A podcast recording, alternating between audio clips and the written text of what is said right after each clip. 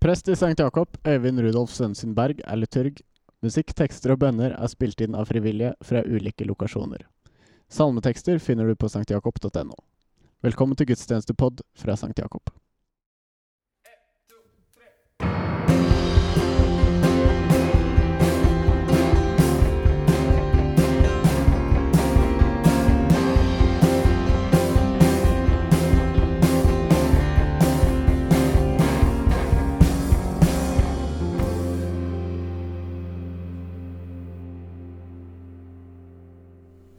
Kjære menighet. Nåde være med dere, og fred fra Gud vår Far og Herren Jesus Kristus. Velkommen til gudstjenestepod, nå andre søndag i påsketida. Forrige søndag var jo en fantastisk eh, gudstjeneste, driving-gudstjeneste, på toppen av bygarasjen i Bergen. Det var en spesiell opplevelse, men også ganske fint. Om du ikke fikk det med deg og har lyst til å se det, så kan du finne et klipp av det på Facebook-sida til St. Jakob. Der finner du også det andre digitale programmet vi har i kirka framover.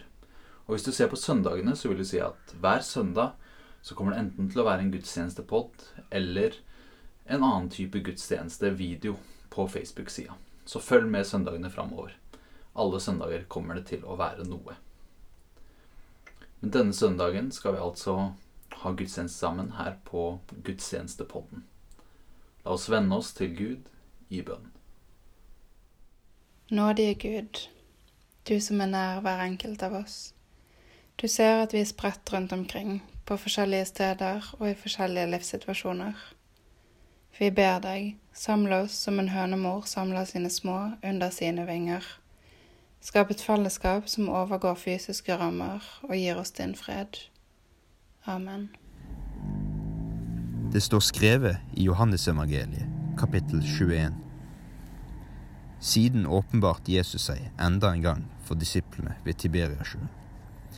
Det gikk slik til. Simon Peter, Thomas, som ble kalt Tvillingen, Nathanael fra Kana i Galilea, Sebedus-sønnene og to andre av disiplene hans var sammen der. Simon Peter sier til de andre, Jeg drar ut og fisker. Vi blir også med, sa de. De gikk av sted og steg i båten, men den natten fikk de ingenting. Da morgenen kom, sto Jesus på stranden, men disiplene visste ikke at det var han. Har dere ikke noe å spise, barna mine? sa Jesus til dem. Nei, svarte de.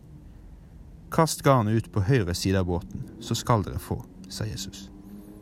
De kastet garnet ut, og nå klarte de ikke å dra det opp igjen, for så mye fisk hadde de fått. Disippelen som Jesus hadde skjær, sa da til Peter, Det er Herren.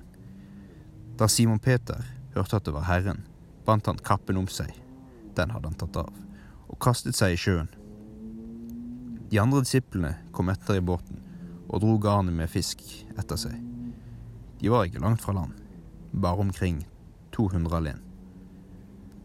Da de var kommet i land, så de et bål der, og det lå fisk og brød på glørne. Kom hit med noe av fisken dere nettopp fikk, sa Jesus til dem. Simon Peter gikk da om bord i båten og trakk garnet i land. Det var fullt av stor fisk, 153 i alt. Men enda det var så mange, revnet ikke garnet. Jesus sa til dem, Kom og få mat. Ingen av disiplene våget å spørre ham, Hvem er du? De visste at det var Herren.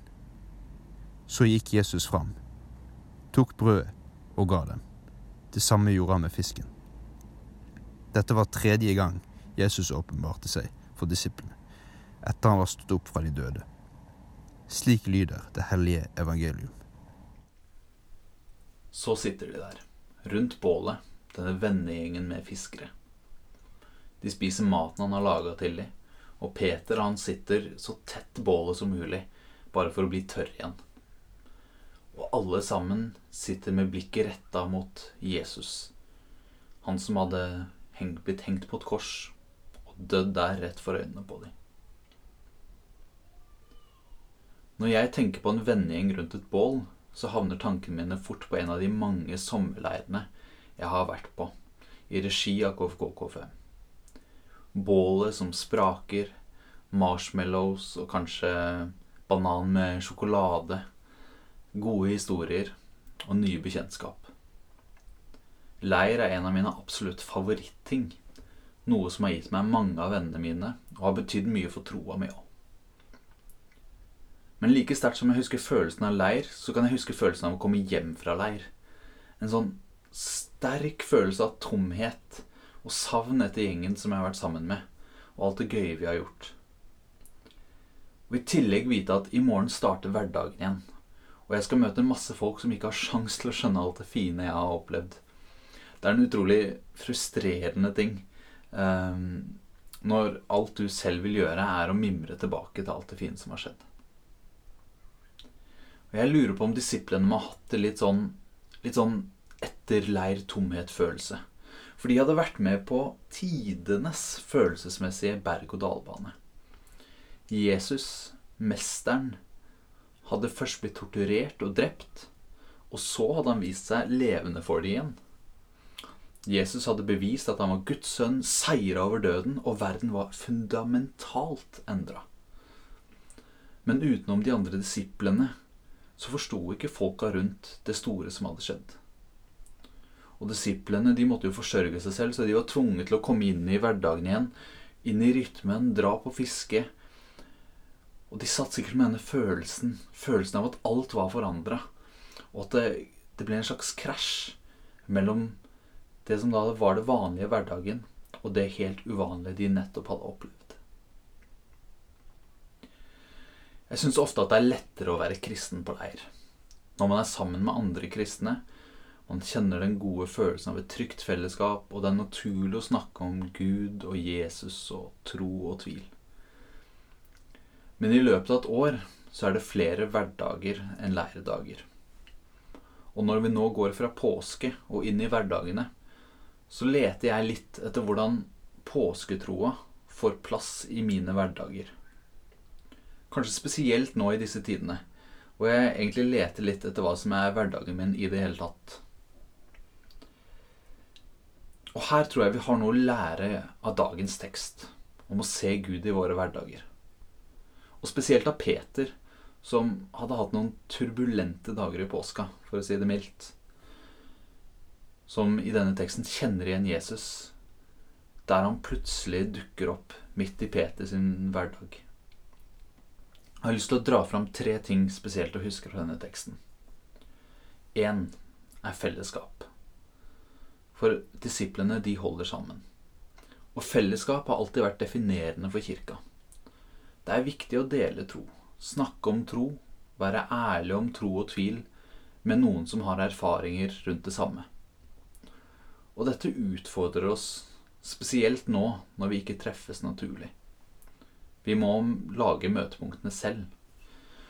I St. Jakob har vi i vår starta med cellegrupper, hvor man snakker om livet, tro og tvil. Kanskje du kunne hørt med noen du kjenner, om dere skal starte en gruppe. Eller kanskje vil du bli med i en som finnes allerede. Om dette høres interessant ut, kan du ta kontakt med Marianne Tomren, som har starta opp cellegruppen i St. Jakob. Så vil hun hjelpe deg videre. Den andre tingen jeg hadde lyst til å trekke fram, er det å se velsignelsene i våre liv.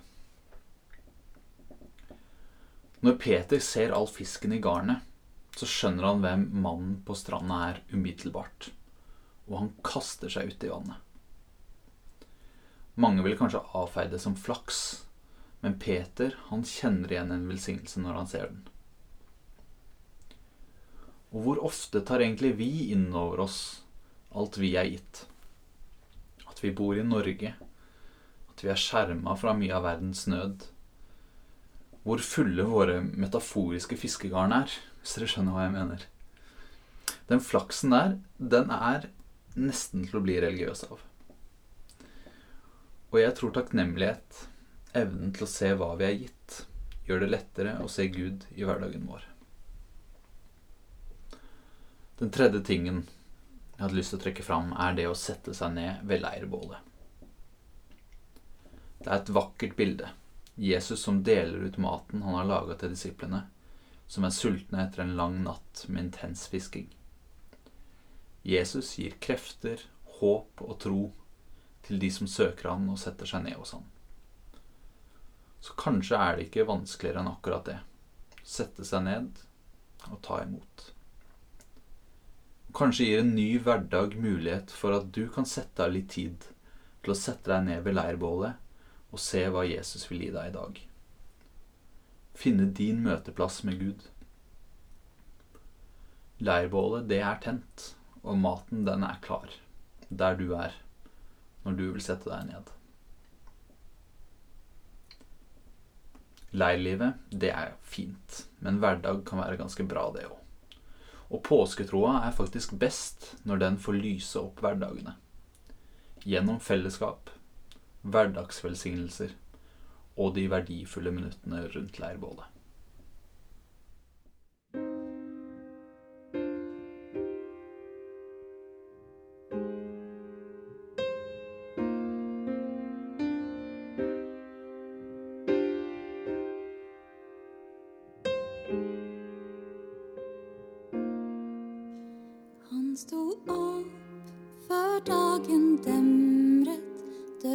Dødens dype natt tok slutt. Kristus lever, han har seiret, dødens mørke makt er brutt. Sol og måne, jord og himmel, dyr og fugler, gress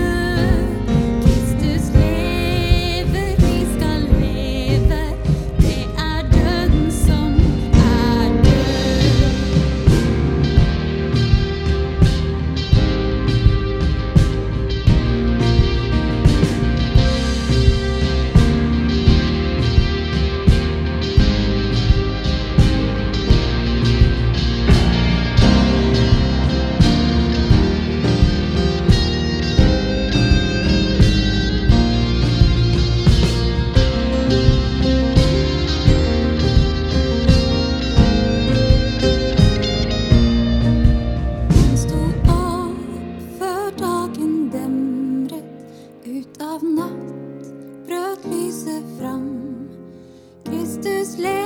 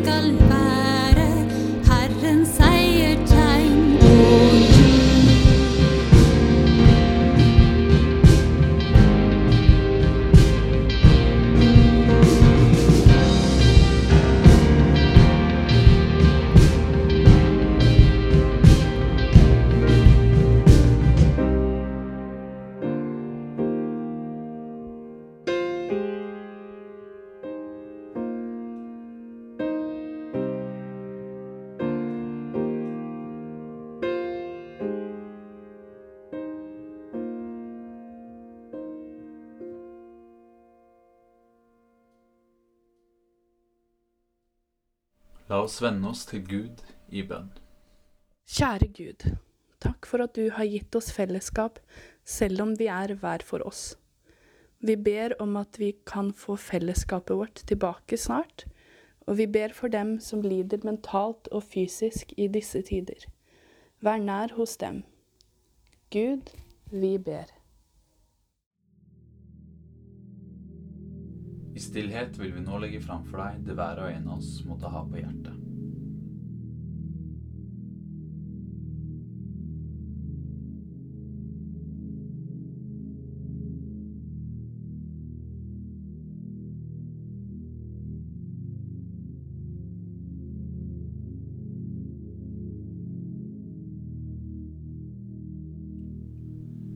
Gud skaper i oss tro, håp og handling.